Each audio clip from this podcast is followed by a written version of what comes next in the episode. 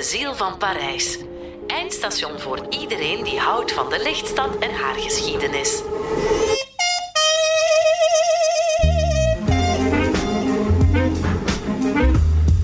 Bonjour, mijn naam is Rick van Puimbroek, journalist bij De Tijd en als reporter een fervent straatloper, omdat ik van dat oude motto hou. De straat is de universiteit van de journalistiek. Daar leer je het. Zo kwam ik de voorbije 30 jaar af en toe in Parijs en ik dacht dat ik de stad wat kende. Tot ik met Dirk Velge, auteur van De Ziel van Parijs, het boek waarop deze podcastreeks geïnspireerd is, door de Franse hoofdstad wandelde. Dirk loopt al meer dan 30 jaar door Parijs en er is de beste man voor. Dat zal u merken als u tien afleveringen lang meewandelt. Ja, we gaan hier naar links. Ja. En door de Rue de la Paix gaan we, naar, eh, gaan we richting de grote boulevard. Ja. Pas op, Dirk, Dirk, Dirk. We beginnen terug als we overgestoken zijn. We gaan terug beginnen als we overgestoken zijn. Stap je alvast mee op de metro? Ja, ik heb De Ziel van Parijs gelezen. Dat zorgde alleen maar voor meer honger. Vandaag op het menu het verhaal van Rose Valland. Een vrouw voor wie de kunstwereld een standbeeld zou mogen oprichten. Coco Chanel ook. Een vrouw die het liefst een deel van haar eigen leven zou uitwissen. En Napoleon III. Een keizer met een minuscuul pleintje voor de Gare du Nord. Welkom in aflevering 1. C'est parti. Slecht weer, mensen komen, ey, als, we, als ze luisteren naar de podcast, als het ene keer regent, is het meer dan genoeg, denk ik. Moet ook geen zonneschijn zijn. Eerste halte. Jeu de Paume. Place de la Concorde. Vanmorgen hoorde ik de regen tegen het dakraam van mijn hotelkamer tikken en ik dacht meteen aan Dirk. Natuurlijk is Parijs in alle omstandigheden mooi, prachtig en de moeite waard. Maar als het regent... Dirk is er zeker van. Geen mens wordt verleid door de gedachte ergens heen te moeten, terwijl je moet uitkijken of je niet in een plas loopt. Zeker hier, de schoonheid van Parijs zit heel vaak in de hoogte. Boven de etalages van de winkels. De gevels, een gedenkteken. Al zelfs de Eiffeltoren. Je moet naar boven kunnen kijken. En toch kan ik hem geruststellen. Gisteravond las ik het eerste verhaal van de ziel van Parijs over Rose. Een vrouw die ik niet kende. Haar naam zei me niets. Maar door de eerste drie zinnen was ik al in de ban. Dit las ik. Op Allerheilige 1940 brengt Rose Valland, assistent-conservator van het Musée du Jeu de Paume, geen chrysanten naar overleden familieleden. Nee, de droefheid die ze voelt is van een heel andere orde. Uitgerekend haar museum is door de nazi's aangeduid als triagecentrum van waaruit ze de buit van hun massale kunstroof doorsturen naar het Derde Rijk. Ik las verder. Rose leeft voor haar passie en kiest ervoor een belangrijke taak te volbrengen: het repertoriëren van de gestolen werken, zodat ze, wie weet, ooit aan hun rechtmatige eigenaars kunnen worden teruggegeven. Al snel ondervindt ze hoe riskant haar onderneming is. De kleinste fout kan haar het leven kosten. Rose. Wat een leven. Aan de Eiffeltoren denk ik niet meer. Het mag vandaag een hele dag regenen. Voilà Rick, we zijn eindelijk hier aan de start van onze quest door Parijs. En we gaan beginnen hier bij het verhaal van een jonge vrouw, een heel moedige jonge vrouw. Niet zo gekend, ze komt in weinig of in geen gidsen over Parijs voor. Maar ik vond haar leven en ja, de avonturen die ze heeft meegemaakt zo moedig en merkwaardig dat ik ze eigenlijk als opening van mijn boek heb genomen. Uh, we zullen uh, even rondwandelen. we, zijn? Ja, we zijn hier nu aan het Jeu de Paume. Het Jeu de Paume is een van de twee kleine identieke gebouwen achteraan in de Tuilerieën. Iedereen kent natuurlijk het, aan de andere kant het Louvre. Ja. Als je helemaal de Tuilerieën doorwandelt naar richting Place la Concorde, dan heb je, zijn, ja. voilà, waar we eigenlijk op uitkijken, Ja. hè, van op dit verhoogd uh, Mhm. terras. Dan heb je achteraan links en rechts heb je twee kleine identieke gebouwen. Het linkse is gekend als l'Orangerie. Daar bevinden zich de prachtige nenufars van Monet. Daar kan je eigenlijk heel namiddag Ja, zitten en, en, en rondkijken hoe prachtig hoe, hoe ze ook zijn voorgesteld. En aan de andere kant heb je een identiek gebouw. Het is in die typische beige Pierre de Taille van Parijs. En dat was vroeger een kaatsbaan. Die is opgericht onder Napoleon III, dus eigenlijk halverwege de 19e eeuw. En die na haar dienst als kaatsbaan. Het was eigenlijk niet echt kaatsen, het was ook niet tennissen. Eh, het zal misschien nog het meest op eh, padel geleken hebben, als je het zou moeten vandaag. Ah, oké. Padel nog wel. Maar die vergelijking is niet zo gek. Paume is het Franse woord voor handpalm. Jeu de paume betekent letterlijk spel met de handpalm. Een beetje zoals kaatsen, maar met dit verschil dat ook hier in Parijs de pijnlijke hand al snel werd gespaard door een racket te gaan gebruiken om te slaan. Later nam tennis het over en nu dus padel. Toch blijken nog varianten van deze oude sport beoefend te worden. Het enige handwerk dat in dit gebouw overbleef, was minder onschuldig. Honderden, zelfs duizenden waardevolle kunstwerken werden tijdens de Tweede Wereldoorlog van het alle door de Duitsers bezette gebieden aangeslagen, gestolen dus en getransporteerd. Met de hand naar opslagplaatsen, naar musea, naar kantoren of gewoon naar hun eigen privéwoningen. Oorlogen inspireren later tot kunstwerken. Denk maar aan de Guernica van Picasso. Maar kunstwerken zijn ook zelf onderdelen van een bitsige oorlog. Het is een oorlogsverhaal, Tweede Wereldoorlog. Ja. Maar het begint al vroeger, want iedereen heeft in zijn hoofd de Tweede Wereldoorlog 40-45. hè. Maar eigenlijk beginnen de spanningen en de oorlogsverklaring vroeger aan. Het is al in 38 wanneer Oostenrijk is aangesloten bij Duitsland. Dan palmen ze ook Tsjechoslowakije in. En dat is in 38. En dat is het moment waarop de directeur van de Franse musea, Jacques Jaugert, begint nattigheid te voelen. En je ziet ook wat er zich afspeelt op het vlak van de behandeling van kunst in de omringende landen. De landen die, de die nazi's Duitsland... Ja, voilà. De nazi's daar eigenlijk mee omgaan. Hè. Het lot van de expressionisten, van de cubisten. En ook in het algemeen, Frankrijk wil zijn kunst beschermen reeds vanaf 38. Want hij vraagt zich af, wanneer is misschien Frankrijk Aan. Komt misschien Frankrijk aan? En met die angst in het hart begint Frankrijk aan een gigantische operatie. Wat gaan ze doen? Ze gaan eigenlijk alle kunst uit de musea, het Louvre, het Jeu de Paume enzovoort.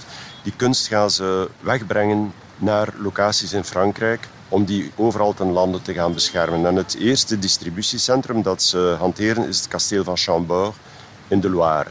Dus eigenlijk in de herfst van 38 vertrekken er verschillende konvooien, soms van 12 of meer vrachtwagens, met schilderijen, beeldhouwwerken, hele kunstverzamelingen van, ja, van niet alleen van Parijs, hè, Nee, nee. maar van alle gekende Franse musea, die worden eigenlijk ondergebracht.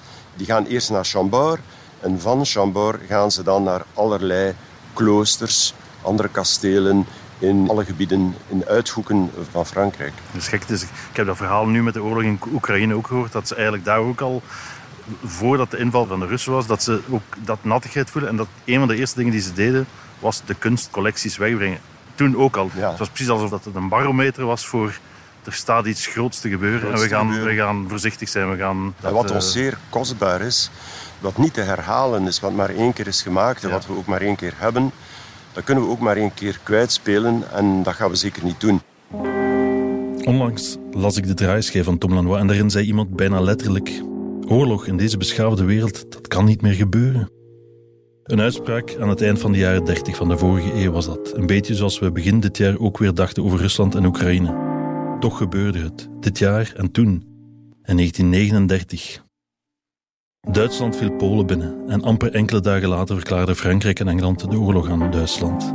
De Tweede Wereldbrand was aangestoken. This is London. You will now hear a statement by the Prime Minister.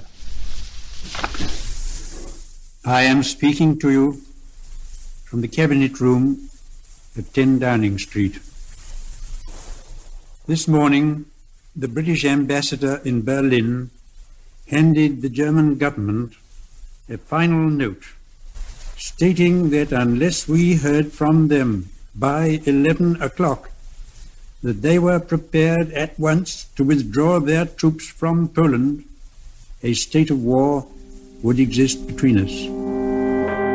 En tarten de kunst. Het is een tongbrekend begrip. Ik probeer het nog eens. En tarten de kunst. Letterlijk ontaarde kunst. In 1939, in juni, is er in het Grand Hotel National van Luzerne een grote nazi-veiling met werken van onder meer Van Gogh, Ensor, Gauguin en Braque, Matisse, Modigliani en Picasso. Grote namen in onze oren, maar volgens de Duitsers verderfelijk. Ze willen ze van de wereld doen verdwijnen, maar ze ruiken toch ook geld en ze hebben veel geld nodig. Geld om de oorlogsindustrie te betalen en draaiend te houden. Valt dat een beetje tegen? De veiling in Luzern levert 300.000 Duitse mark op. En dat blijkt niet eens genoeg om er één Tiger-tank mee te kopen. Het ging eigenlijk niet om dat geld. Het ging eigenlijk om die kunst zelf. Want de nazi's beschouwden kunst, cultuur, beschouwden ze niet als een bijproduct van de maatschappij. Voor hen was het eigenlijk een wezenlijk onderdeel van wat zij noemden de Weltanschauung. Je vraagt je af waarom die Duitsers zo tegen die zogenaamde entartete kunst waren. Volgens hen probeerden de Joden door middel van kunst de morele kracht van de Duitsers te ondermijnen. Alles wat nieuw en anders was, werd gezien als gevaarlijk en moest dus verdwijnen. Schilderijen, maar ook een categorie entartete muziek. Alban Berg, Gustav Mahler, Kurt Weill. Volgens de nazi-leiding kwam er niets goed van. Oké, die kunst, eh, de Duitsers wisten dan waar dat allemaal zat in Frankrijk, maar wat was de rol van Roze en van de Jeu de Paume dan eigenlijk? Van het Jeu de Paume was te dienen eigenlijk als centralisatiepunt en daarna distributiecentrum voor alles wat gestolen kunst zou betreffen. Want ook dat wisten de Duitsers in Parijs. Bijvoorbeeld de, de grote Joodse families, mm bankiersfamilies, Joodse galeristen. Ja, die hadden ook heel veel kunst. Die hadden enorm veel... Daar waren ze op uit. En daar waren ze op uit. En het begint al vroeg. Hè. Ze bezetten Parijs op 14 juni 1940. En al onmiddellijk op 20 juni, zes dagen later, wordt hier gebonst op de poort van het Hotel Saint-Florentin, hier net om de hoek in de Rue Saint-Florentin, waar de familie van op dat moment is het de generatie van Edmond, de Rothschild, uh, woont. De poorten worden daar ingebeukt en daar de collectie van de Rothschilds is een van de eerste collecties die eruit gesleept wordt en die hier naar het Jeu de wordt gebracht. Zeggen dat de Duitse leiders kunst alleen zagen als verderfelijk klopt natuurlijk niet. Ze wisten zeer goed wat waardevol was en toonden geen schroom om te roven en te plunderen. Het is niet toevallig dat we aan de Jeu de staan. Het is niet toevallig dat Rose Valland zo'n belangrijke rol zou spelen in de Franse kunstgeschiedenis. Je hebt drie belangrijke aasgieren op dat moment van bij de start. De eerste is de Duitse ambassadeur in Parijs, Otto Abets. Otto Abets spreekt Frans, kent Parijs goed en hij is de eerste die zijn oog laat vallen, die troepen zal sturen naar bepaalde adressen. En waarom doet hij dat? Voornamelijk om zijn prachtige kantoor, het Hôtel de Beauharnais, hier op de linkeroever in de Rue de Lille, te decoreren. Otto Abets wil toch onmiddellijk een beetje te midden van, een mooie, van de Picasso's zitten, van de Chagalls. Uh, een tweede aasgier is eigenlijk Von Ribbentrop, minister mhm. van uh, Buitenlandse Zaken. En Von Ribbentrop heeft onmiddellijk bij het begin van de oorlog een plundering laten uitvoeren van Les Gobelins. Dus de grote wandtapijten. Dus die heeft hij laten ophangen in het ministerie van Buitenlandse Zaken in, in, Berlijn. niet in, die zat niet in Parijs natuurlijk. En tenslotte had je de allergrootste aasgier. En dat was uh, Geuring. Mm Geuring, Rijksmaarschalk en hoofd van de Luftwaffe die uh, van in het begin van de oorlog hier in Parijs zal resideren in een suite in het uh, Ritz-hotel. En hij springt bij alle anderen uit, want hij heeft vanuit Tsjechoslowakije, vanuit Oostenrijk, vanuit Polen, heeft hij reeds een hele gestolen collectie aangelegd. Mhm. Die later trouwens niet zo lang geleden, in 2015, gepubliceerd geworden is door eh, Gallimard. De grootste gestolen kunstcollectie ooit is de titel. Hè? En dat is Le Catalogue Geuring. Geuring. Le Catalogue Geuring. En daar zal Geuring nu de Franse buit aan toevoegen. En dan komen we terug in Jeu de Paume. Uh, want dat speelt, omdat het een verzamelplaats geworden was, waarschijnlijk een belangrijke rol daarin. Absoluut. Ik heb beelden gezien van toen en hoe lieflijk het hier nu is, hè, met die platanen. We kijken hier eigenlijk ook uit op de Jardin des Tuileries. Ja, ja, Je hoort Parijs wel in de verte, maar eigenlijk is het hier een kleine rustplek. En um, op 1 november gaan alle Parijzenaars naar het kerkhof. Ze gaan hun uh, dode geliefden herdenken met chrysanten of andere. Maar Rose Valland kon dat niet, want zij was opgeëist, zij was geconfiskeerd. Want op 3 november zal hier een heel belangrijke tentoonstelling plaatsvinden. Nu, denk niet aan een tentoonstelling zoals wij die kennen met mooi opgehangen werken. Scenografie. Ja, scenografie. Geen belichting, geen, geen uh, nauwkeurig... erbij. Ja, ja, voilà. Nee, er worden hier op 1 en 2 en een stuk van 3 november in een koortsachtig ritme worden die werken hier uit de vrachtwagens gesleept van overal in Parijs. Die worden hier binnengeschouwd. Roos Valland moet het aanzien met tranen in de ogen, zoals blijkt uit haar carnet. Ze kan er ook niet veel aan doen. Eh, wat daar gevraagd wordt, daar zal ze antwoord op geven om ze toch enigszins te klasseren, die werken. Onmiddellijk moeten ook een aantal werken naar een, zullen niet tentoongesteld worden. Die gaan naar achter, een kamer achteraan, mhm. die later de naam zal krijgen La Chambre des Martyrs. Als kind in Gent was de Martelaarslaan me al vlug bekend. En toen ik later in Leuven ging wonen, leerde ik het Martelarenplein kennen. Dat er martelaarskamers bestonden en bestaan, verbaast me niet.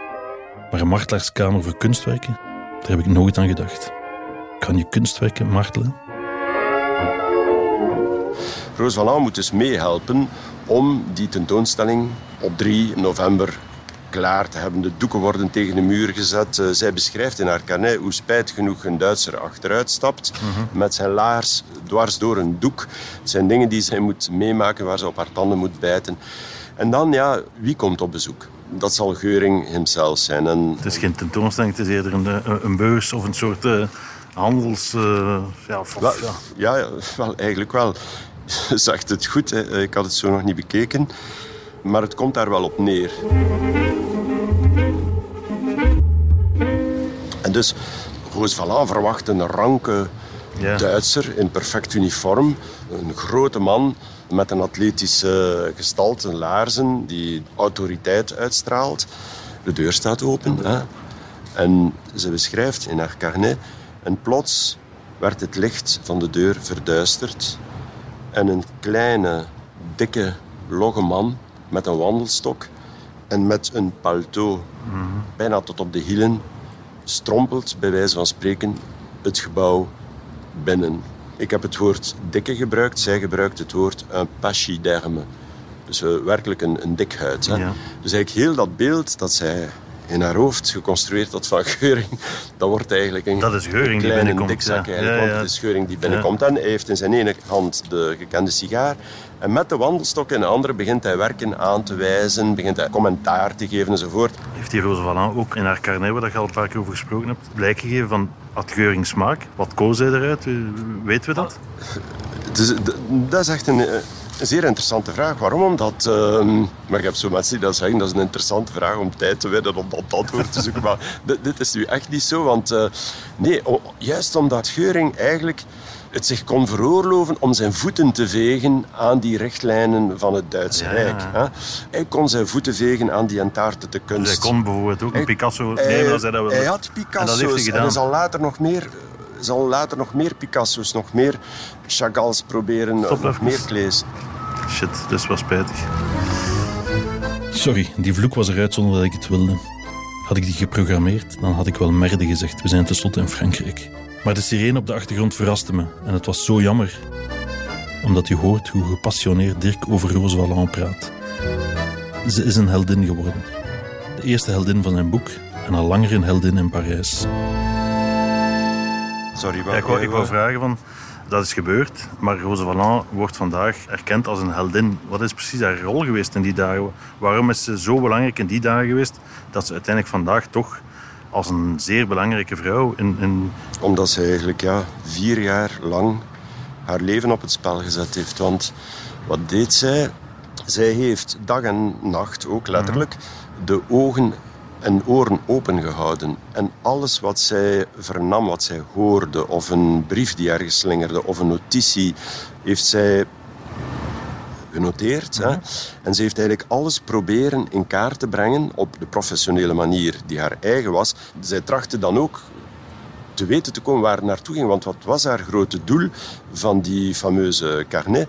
Dat was eigenlijk van, zou de oorlog ooit eindigen en zouden de Duitsers ooit verliezen, dan was het de missie van Roos die ze op zich genomen had om ooit mee te werken om die werken terug te vinden en die aan de rechtmatige eigenaars te kunnen teruggeven. Maar zo zijn er dus honderden, duizenden werken verdwenen of weggegaan, getransporteerd. Maar je hebt daarnet ook verteld over die, uh, Chambre des Martyrs. Ja, Dat is ah ja, kamer dan moeten waar, we- dat- waar dat die... Kom, we zullen even naar Ginder gaan, want eh, ja, Roos Valland ehm, kan veel vermijden en kan veel helpen. Maar wat zij niet kan eh, verhinderen, natuurlijk ja, het is een belegerde burcht. Hè, Ja. Is dat er op een dag in juli, in juli 43, hier een beetje verder, aan de achterkant van het Jeu de Paume, Ja. dat daar op één dag tijd werken zullen naar buiten gegooid worden. Je ziet daar, hè, door die bovenste ramen. Ja. Ze worden eigenlijk niet naar beneden gebracht. Hè. Het wordt echt door, door, Schrijft door je het voelt, venster gegooid. je voelt het verdriet en de, allee, de, ja, een beetje de woede en het verdriet, en, en, maar ook de grote shock hè, in haar pen. Dus die werken worden gewoon door het raam gegooid in plaats Die, van... die werken worden gewoon door het raam naar beneden gegooid Ja. hier op dit terras. Ja. Kijk Rick, hier waar je nu dit kleine bloemenveld Ja. Ziet. Aan de achterkant van de Jeu de Paume Ja, een beetje zo verstopt. Hè. Achter die rijen eigenlijk heel mooi gesnoeide platanen. Hier werden die werken van boven gewoon naar beneden gegooid en werden hier eh, verbrand. Ja, op die dag moet er s'avonds een rookpluim boven de straten en de pleinen van Parijs gedreven hebben.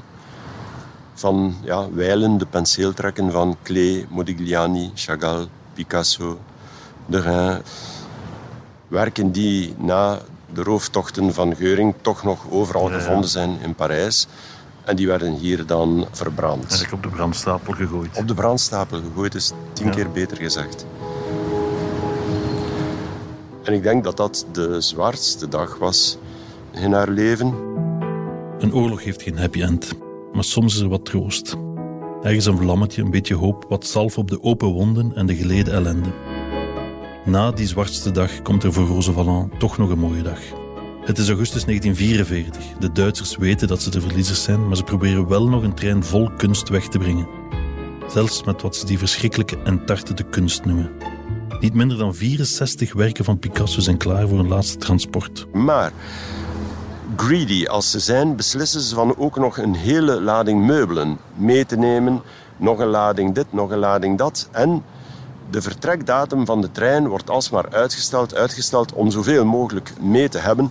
En uiteindelijk gaat die trein vertrekken en hij komt in Aulnay-sous-Bois, een beetje voorbij uh, Parijs. En daar is er al een eerste pannen. En nu zijn we wel al 26 augustus. Zo houdt eigenlijk de resistance fair Ja, die- de trein aan, het lijntje en de Duitsers aan, het Die trein lijntje. saboteren of die... Ja. eh, die... Maar op dat moment is er een klein detachement. Men is daarvan op de hoogte natuurlijk via de weerstand. Dat komt natuurlijk ook bij, bij de geallieerden. En daar is iemand die naar voren komt en die voorstelt van een klein detachement te vormen van een, een twaalftal soldaten, vrijwilligers, die zullen naar Aulnay-sous-Bois gaan en die zullen proberen die trein tegen te houden. En dat gebeurt ook effectief. Hè. De, de trein staat daar nog altijd. Er ontstaat natuurlijk een vuurgevecht. De Duitsers die die trein begeleiden gaan hem, gaan hem verdedigen.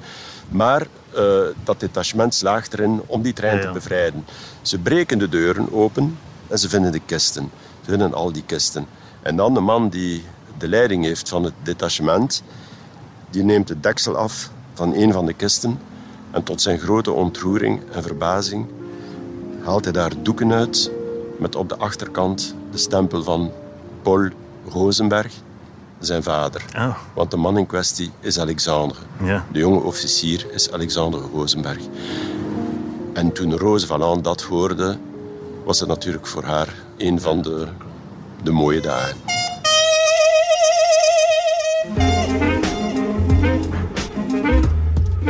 Roze Valland zal ik nooit vergeten, daar heeft Dirk voor gezorgd. Terug in het hotel zoek ik haar even op en vind dat ze 81 geworden is. Er zijn boeken en strips over haar gepubliceerd en in enkele films was haar leven inspiratie voor een personage. Natuurlijk kan het niet uitblijven dat een roos ooit naar haar genoemd werd. Maar wat ik het opmerkelijkst vind is haar geboortedag, 1 november. Allerheilige van 1940. De dag waarop zij in haar Jeu de moest meewerken aan het vergaren van al die voor de Duitsers bestemde kunst, was haar verjaardag.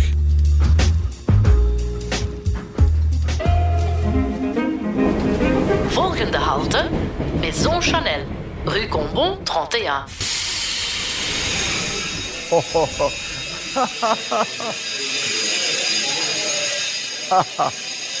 Allee, joh. Je kunt het je wel zo goed voorstellen als dat je wilt, maar... eh, In mijn slijpschijf, joh.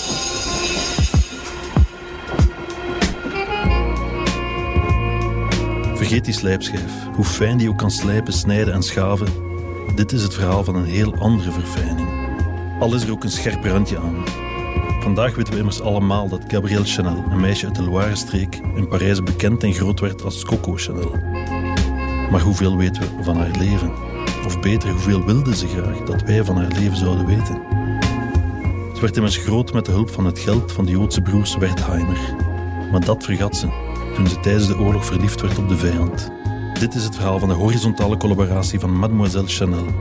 Een verhaal dat ze nadien zelf met alle mogelijke middelen toedekte. Voilà, we komen hier aan in de smalle rue Cambon. In de straat die ehm, de Madeleine verbindt met de Faubourg Saint-Honoré. We zitten een beetje in de luxe wijk van Parijs. Dat is te zien aan de winkels Ja. die we hier links en rechts zien. Ja. Maar ook op de Place Vendôme zelf natuurlijk, ja, hier, hier net achter. Hè. Ja.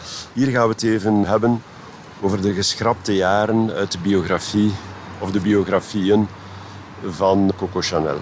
Die biografie is niet volledig, of wat? Of er is ergens een hiaat. Er is een hiaat. Er is een hiaat van 1940 tot 1953. En het zijn precies die jaren waar we het even gaan, dat is toevallig eh, gaan over begin van de oorlog. Of, ehm, Dat is toevallig het 1940. begin van de oorlog. Maar het verhaal begint al vroeger. We zijn bijna ter hoogte van het nummer 31. Ja? Voilà, hier. Pas op, het is grappig. Toen was haar atelier en haar werkplaats, laat ons maar zeggen, gevestigd hier in dit gebouw, op het nummer 31. Maar vandaag is, zoals je ziet, Chanel daar. Ging er nog verder Chanel, op de hoek ging er Chanel. Zoals je ziet heeft de groep, want het is nog altijd een familiale privégroep, de groep Chanel ondertussen zowat alle Rue huizen Cambon. in de rue Cambon. Ja. Zo zit de Rue Chanel. De Rue noemen. Chanel, ja, zou je het eigenlijk kunnen noemen eh, vandaag. Ja. Het verhaal eh, draait eigenlijk rond een groot conflict, Mhm. een zakelijk conflict. Want naast de geuren van roos en jasmijn Mhm. en aldehydes zat er ook nog een ander ingrediënt in het kleinste maar meest bekende flesje ter wereld. Namelijk eh, de Chanel numero 5. Vijf, ja. Er zat eigenlijk ook nog een vleugje collaboratie en hebzucht in. En het zijn precies die elementen die later gezuiverd zijn uit het leven van de grote couturière, parfumière eigenlijk. En hoe, hoe, hoe zit het dan? Want ja, dat is dan eigenlijk gewoon voor de oorlog misschien al begonnen. Of, of. Wel, het begint eigenlijk en daar begint in 23 op de paardenrennen van Deauville.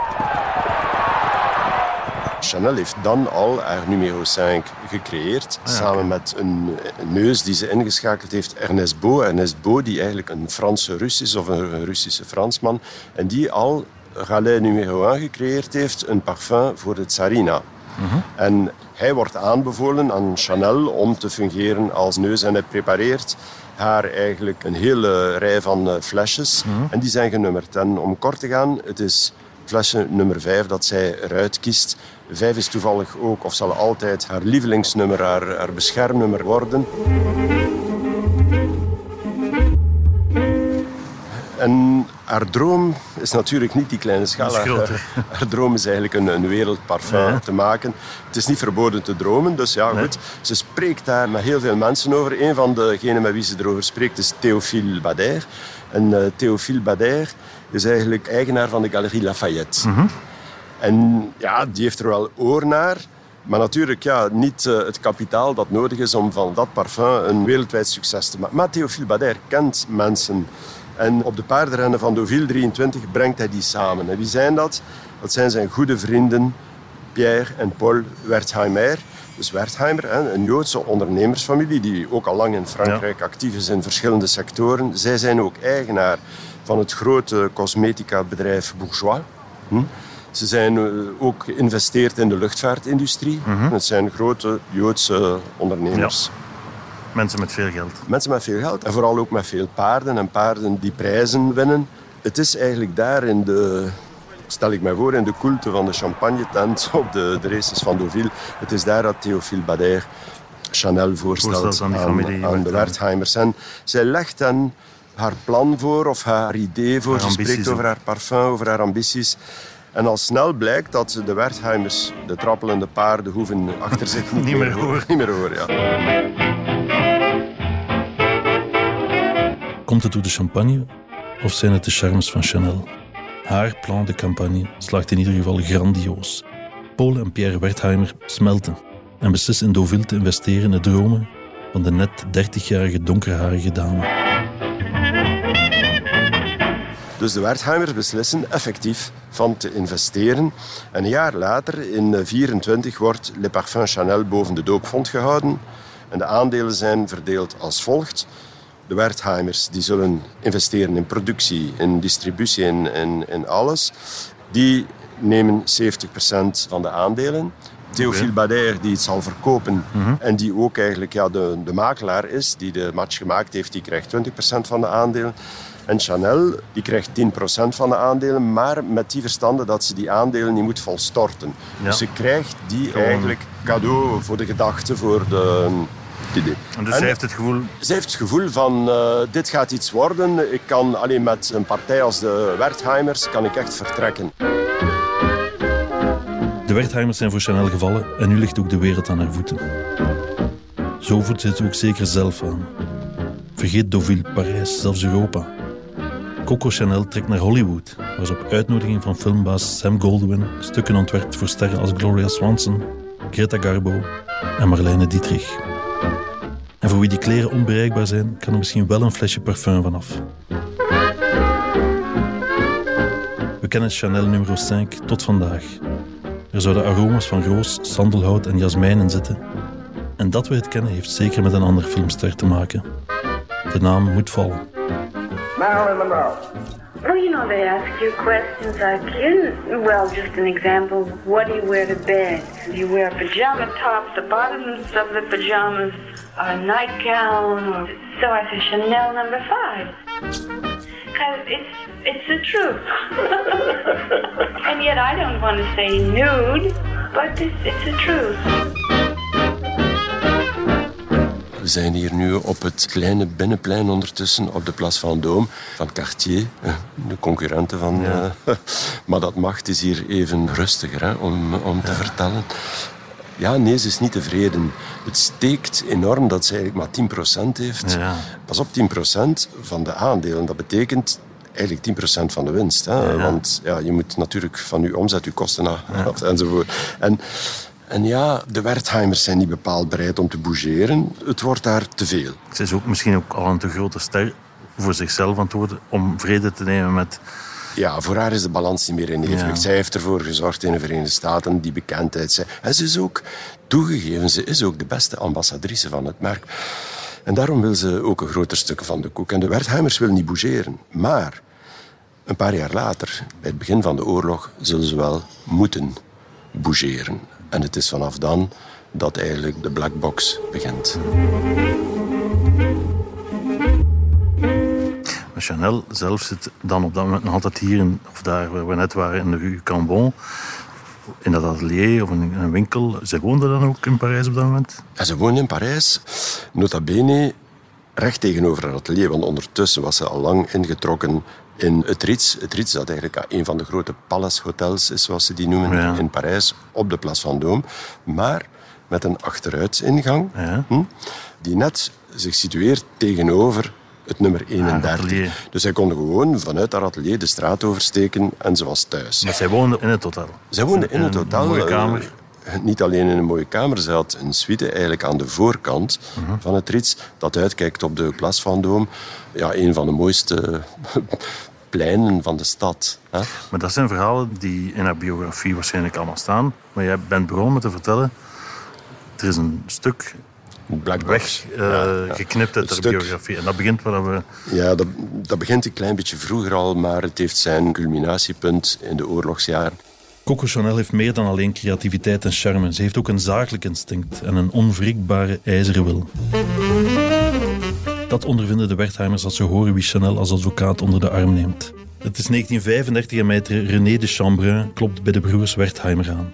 Hij is een afstammeling van Marquis de Lafayette, die in 1777 mee de Amerikaanse onafhankelijkheid bevocht tegen de Britten.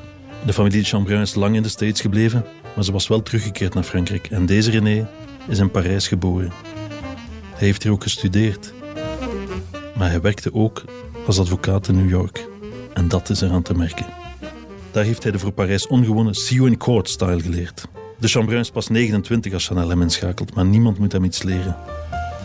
Opvallend, hij is getrouwd met José Laval, de dochter van Pierre Laval, de premier van het latere collaborerende Vichy-regime.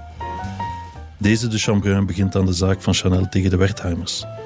Veel gebeurt er de eerste jaren niet, maar dan wordt het 1940. Al vrij snel, 19 oktober 40, komt de Duitse ordonnantie, dus la loi sur l'arianisation de l'économie française. Dat betekent dat geen enkele Jood nog eigenaar mag zijn van een onderneming of een zaak. Die ordonnantie stipuleert dat men het bedrijf moet overlaten of in handen geven van een voorlopige bewindvoerder, die dan zal nakijken dat het verkocht wordt aan een Ariër of een Arische ondernemer of een Arische eigenaar. En daar heeft Chanel zich kandidaat gesteld als Arische vrouw. Ze heeft een advocaat. En de oorlog kan in haar voordeel spelen. Maar opvallend, de flamboyante en ondertussen puissant rijke Coco Chanel geeft officieel geen geliefde. Dat verandert wel snel. In het rits waar ze woont trekken enkele Duitse officieren van de Duitse Luftwaffe binnen. En in de gangen en de rijkelijk versierde eetzalen kruisen blikken elkaar. Ja, en een van hen is een zekere Hans von Denklage. Een Duitse officier, maar hij is niet alleen officier. Hans von Denklage is al van in de jaren 30 staat genoteerd in de boeken van de Franse Sûreté. Hij is eigenlijk ook al voor de oorlog een spion die regelmatig in Parijs is. Hè. Maar goed, dat weet Chanel misschien Ja, niet op dat moment. En om een lang verhaal kort te maken, zij wordt verliefd op Hans von Denklage en ze zullen hier de oorlog samen doorbrengen in het Rits. Suspense in Parijs. Op bladzijde 36 lees ik. Ondertussen in Parijs vangt Coco geruchten op dat het prestigieuze huis van Pierre Wertheimer aan de avenue Foch 55 leeg staat. Ze denkt dat de Wertheimers gewoon zijn gevlucht, zoals vele andere Joodse families. Mademoiselle ziet het geld van hun 70% al naar haar rekening stromen. Mademoiselle vergist zich. De Wertheimers zijn verdwenen. En dat verontrust haar. En haar zoektocht brengt er haar bij dat die gevlucht zijn. Via Brazilië zijn zij in de Verenigde Staten terechtgekomen. En dat ze slimme, intuïtieve ondernemers als ze waren, zij voelden natuurlijk al de bui hangen.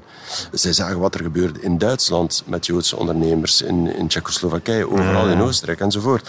En zij hebben eigenlijk al in de maand mei 40, hebben zij eigenlijk al zowel bourgeois, de 70% van Les Parfums Chanel en ook hun participatie in Aviation Amiot hebben ze eigenlijk verkocht aan Felix Amiot.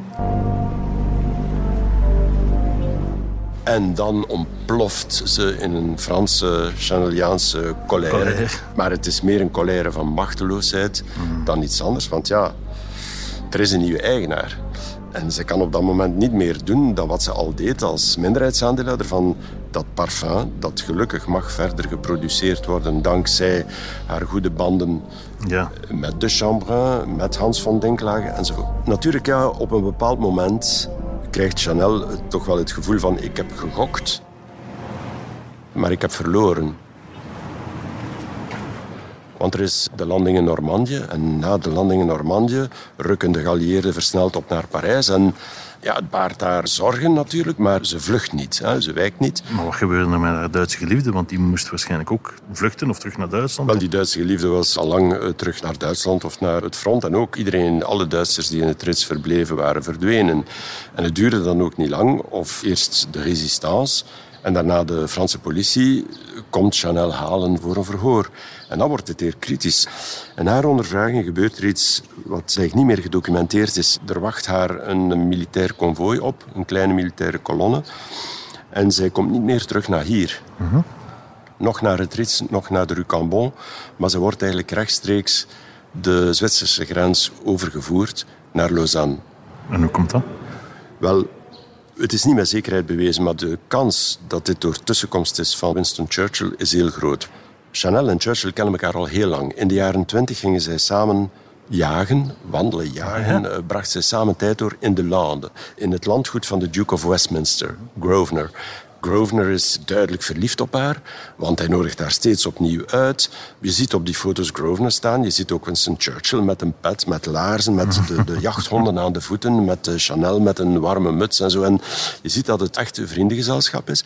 Maar hij kan wel zijn invloed aanwenden om te laten gebeuren dat zij veilig en wel ja. met haar en huid in Zwitserland geraakt. En het is pas in 1953 dat Chanel zal terugkomen naar Parijs. Mhm.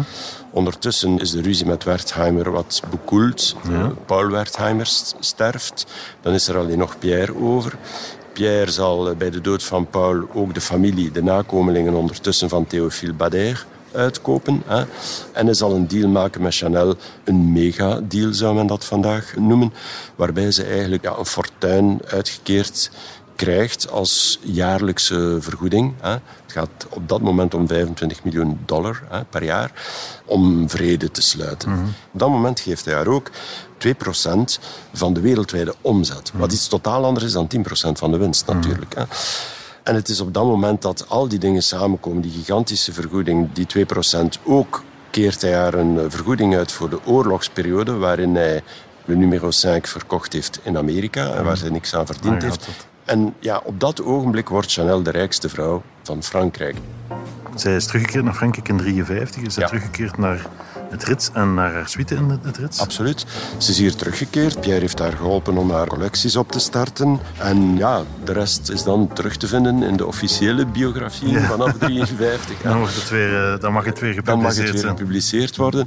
En zij sterft uiteindelijk ook hier in de Rits op 10 januari 1971 hè, sterft zij schatrijk, ja. maar wel eenzaam. Rondom de Plas van Doom en in de schaduw van het Ritz Hotel, waar in 1997 de laatste beelden van de levende Lady Diana werden gedraaid, lag de luxe ons toe.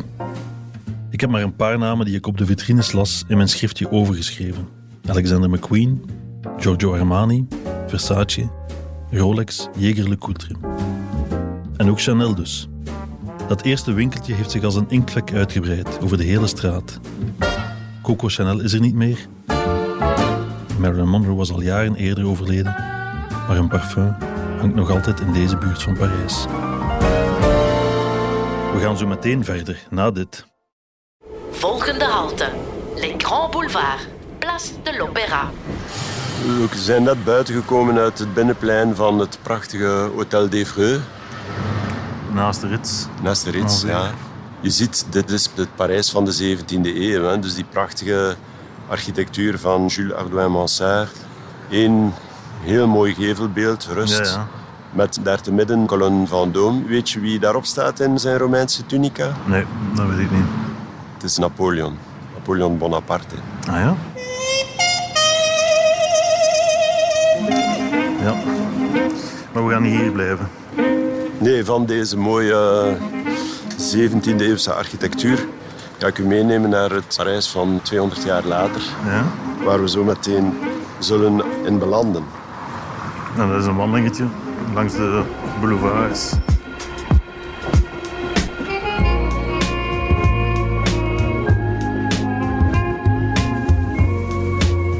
Wandelen door Parijs is een beetje alsof je in een teletijdmachine stapt. Je gaat een poort binnen slaat een straat in of duikt onder een passage en staat in een ander tijdperk. Zojuist werd nog gevochten in de Tweede Wereldoorlog. Nadien liepen we even langs de 17e eeuw en nu zijn we plots weer 200 jaar later. Nog mooier dan reizen is tijdreizen. De figuur waar we het gaan over hebben, ja? is ook weer al een figuur en die hebben mijn voorkeur misschien. Hè? Achteraf bekeken. Het is ook iemand die slechts heel beperkt voorkomt in de Franse geschiedenisboeken, ja. wegens minder geliefd. En dat is Napoleon III, de neef van de grote Napoleon. Niet de Napoleon die op het Plas van Dome staat, maar... Nee, zijn neef. Ja. En die maar een klein aantal pagina's gekregen heeft in het Franse geschiedenisboek? Of, of, of soms helemaal niet.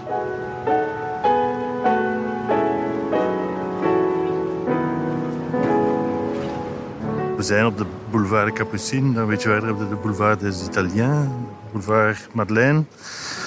Allemaal boulevards, lanen die wij kennen van naam.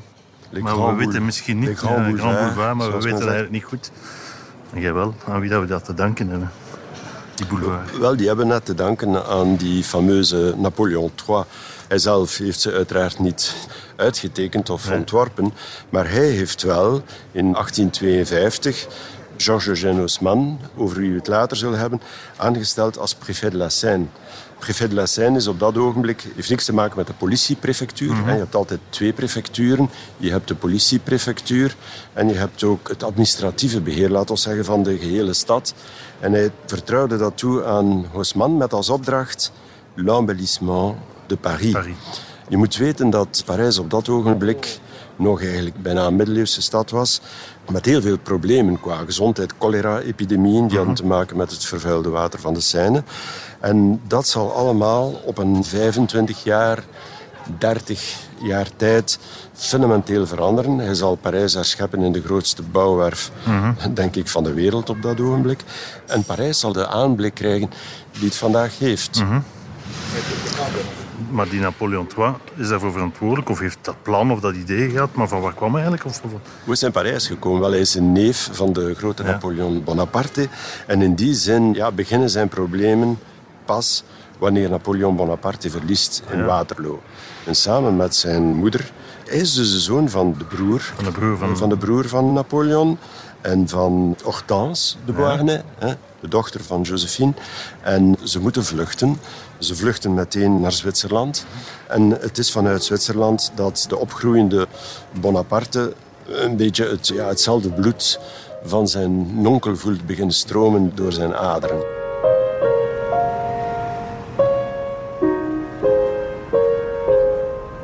Uiteindelijk komt de familie terecht in Londen. En het is vanuit Londen dat hij een aantal pogingen zal ondernemen om in Frankrijk voet van de grond eh, te krijgen. Maar ook die pogingen zijn een beetje, eerlijk gezegd, rocambolesk. In een eerste poging gaat hij met een paar Bonapartisten kabaal gaan maken voor een kazerne in Straatsburg. Maar het omgekeerde gebeurt van wat hij wil. Soldaten komen buiten alleen maar om de compagnie weg te jagen. dus hij keert terug naar Londen. Dan gaat hij daar een schip charteren. Een soort toeristische jacht eigenlijk. En samen met een aantal getrouwen supporters die terug de naam Bonaparte in Parijs willen installeren, zal hij met dat schip koers zetten naar de Franse kust, naar Boulogne-sur-Mer.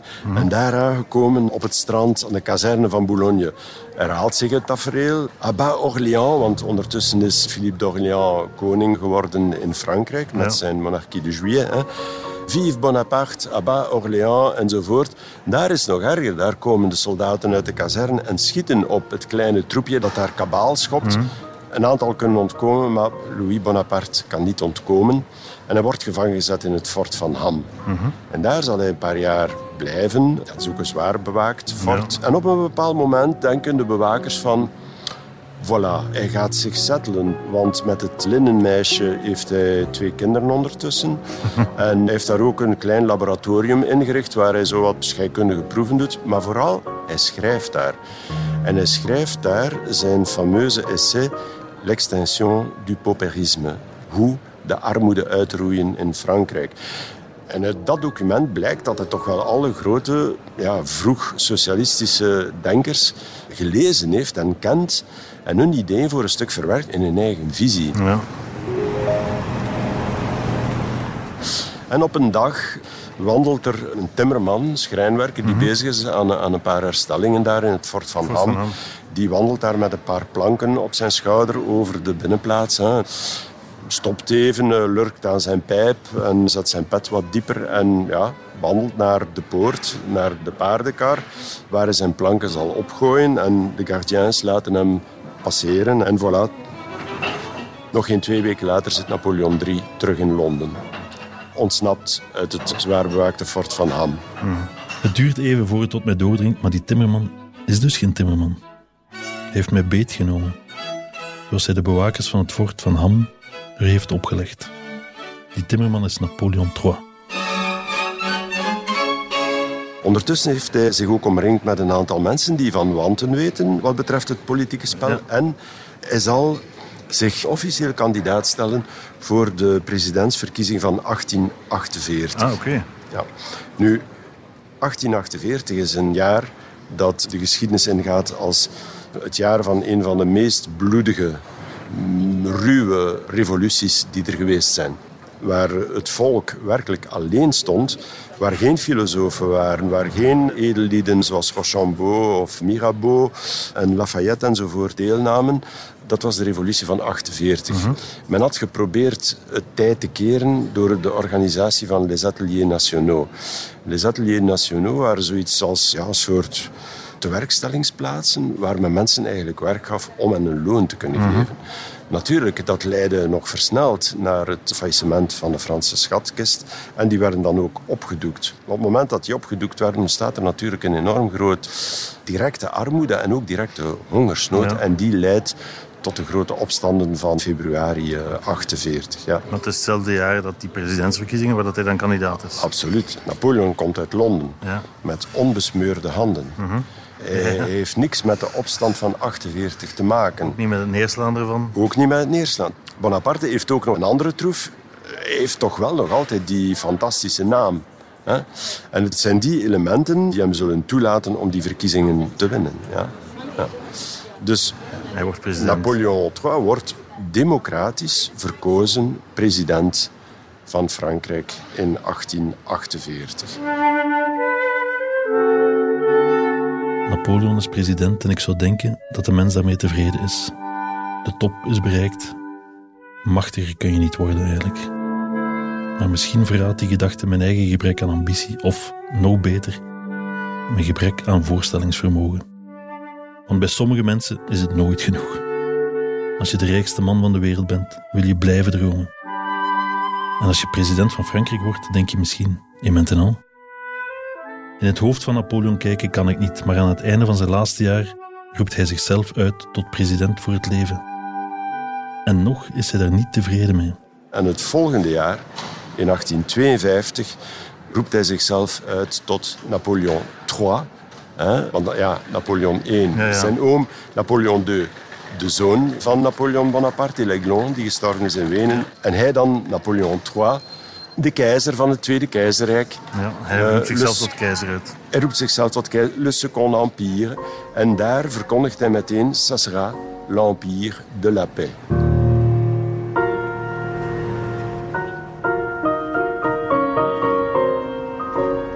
En dan beginnen ze die grote werken. Of En dan begint hij aan de realisatie van zijn droom. Eh, en, of van zijn droom, zijn ambitie. En dat is, nu hij weet hoe Londen eruit ziet, hij wil dat Parijs Londen overklaast. En hij zal beginnen met verschillende trajecten. Hij zal beginnen met uh, Haussmann aan te stellen, met de grote urbanisatie van Parijs, die Parijs van de middeleeuwse stad zal katapulteren naar de toekomst. Dus ja, niets aan de hand. Eh, Napoleon kan me voorstellen met al die maatregelen, met al die werken, wordt die mens populair in Frankrijk en er kan hem niks gebeuren. Of... Er kan hem op een bepaald moment inderdaad niets gebeuren, alhoewel hij verschillende bomaanslagen overleeft. Zoals wanneer hij naar de opera gaat, toen nog in de rue Le Pelletier, komt er een bom van Orsini terecht eh, onder zijn koets. Niet onder zijn koets, maar onder het gezelschap dat hem naar de opera brengt.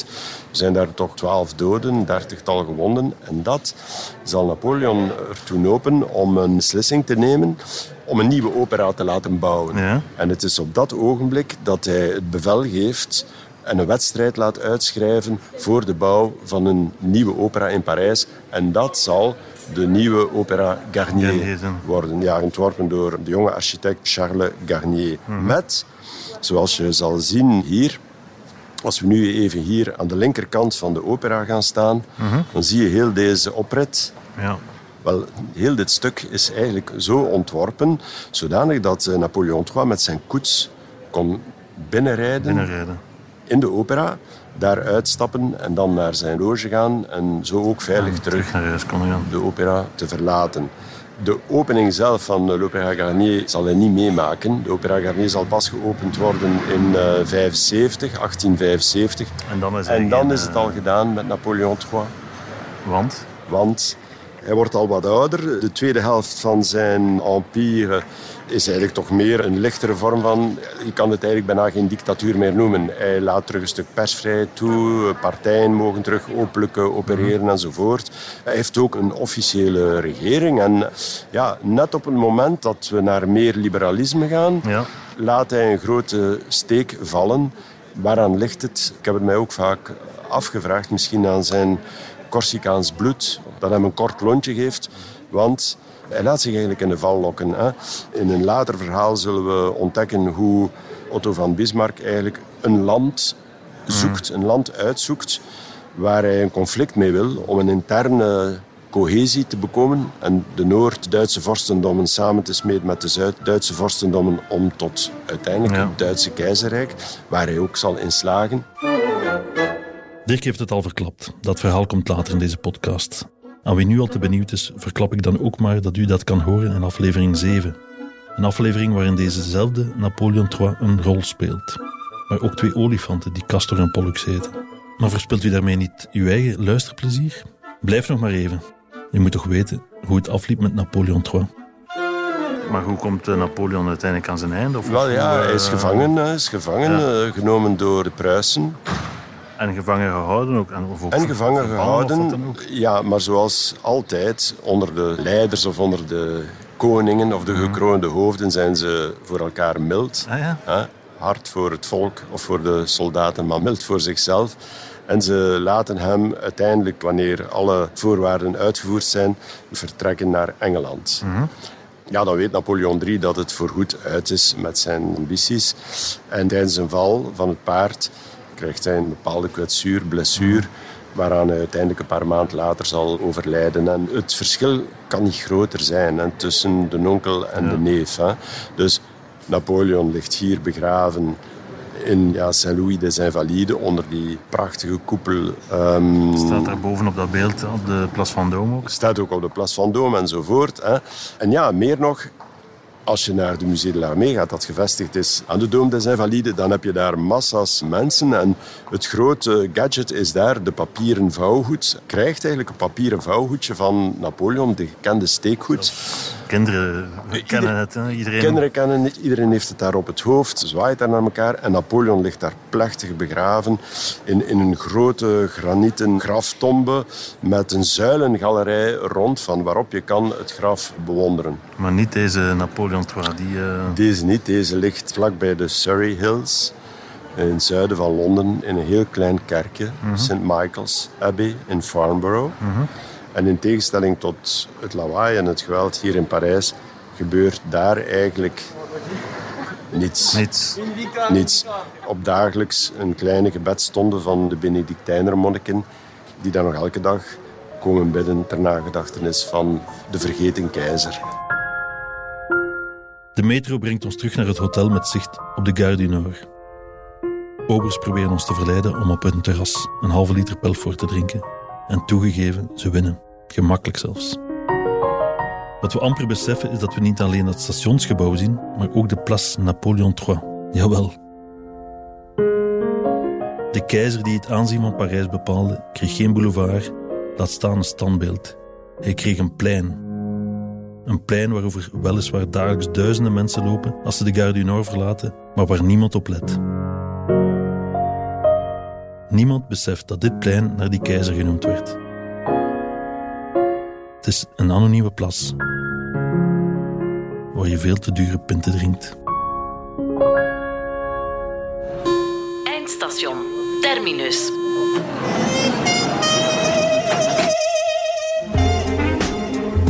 De Ziel van Parijs is een podcast van de tijd naar het gelijknamige boek van Dirk Velge. Journalist Rick van Puinbroek was uw metgezel op deze trip. Montage en productie door Stef Leenaerts en Jordan Hudson. De klank lag in de magische handen van Damien Timmerman. Karel Dirk schreef de scenario's en regisseerde de opzet. Speciale dank aan Anke de Veerman, Anne-Sophie Moerman, Sandrine Timmerman en uitgeverij Hannibal. Ben je benieuwd naar nog meer Parijse verhalen? Luister dan snel naar de volgende aflevering en abonneer je op ons kanaal. Ook een review mag altijd. Dirk, ehm, er is één hoofdstuk in uw boek dat ik mij nog veel meer belangstelling dan alle andere gelezen heb. Ik ben benieuwd. Ja. Omdat je mijn grote liefde kent voor het eh wielrennen. De coureurs. De coureurs. Merci beaucoup et à bientôt.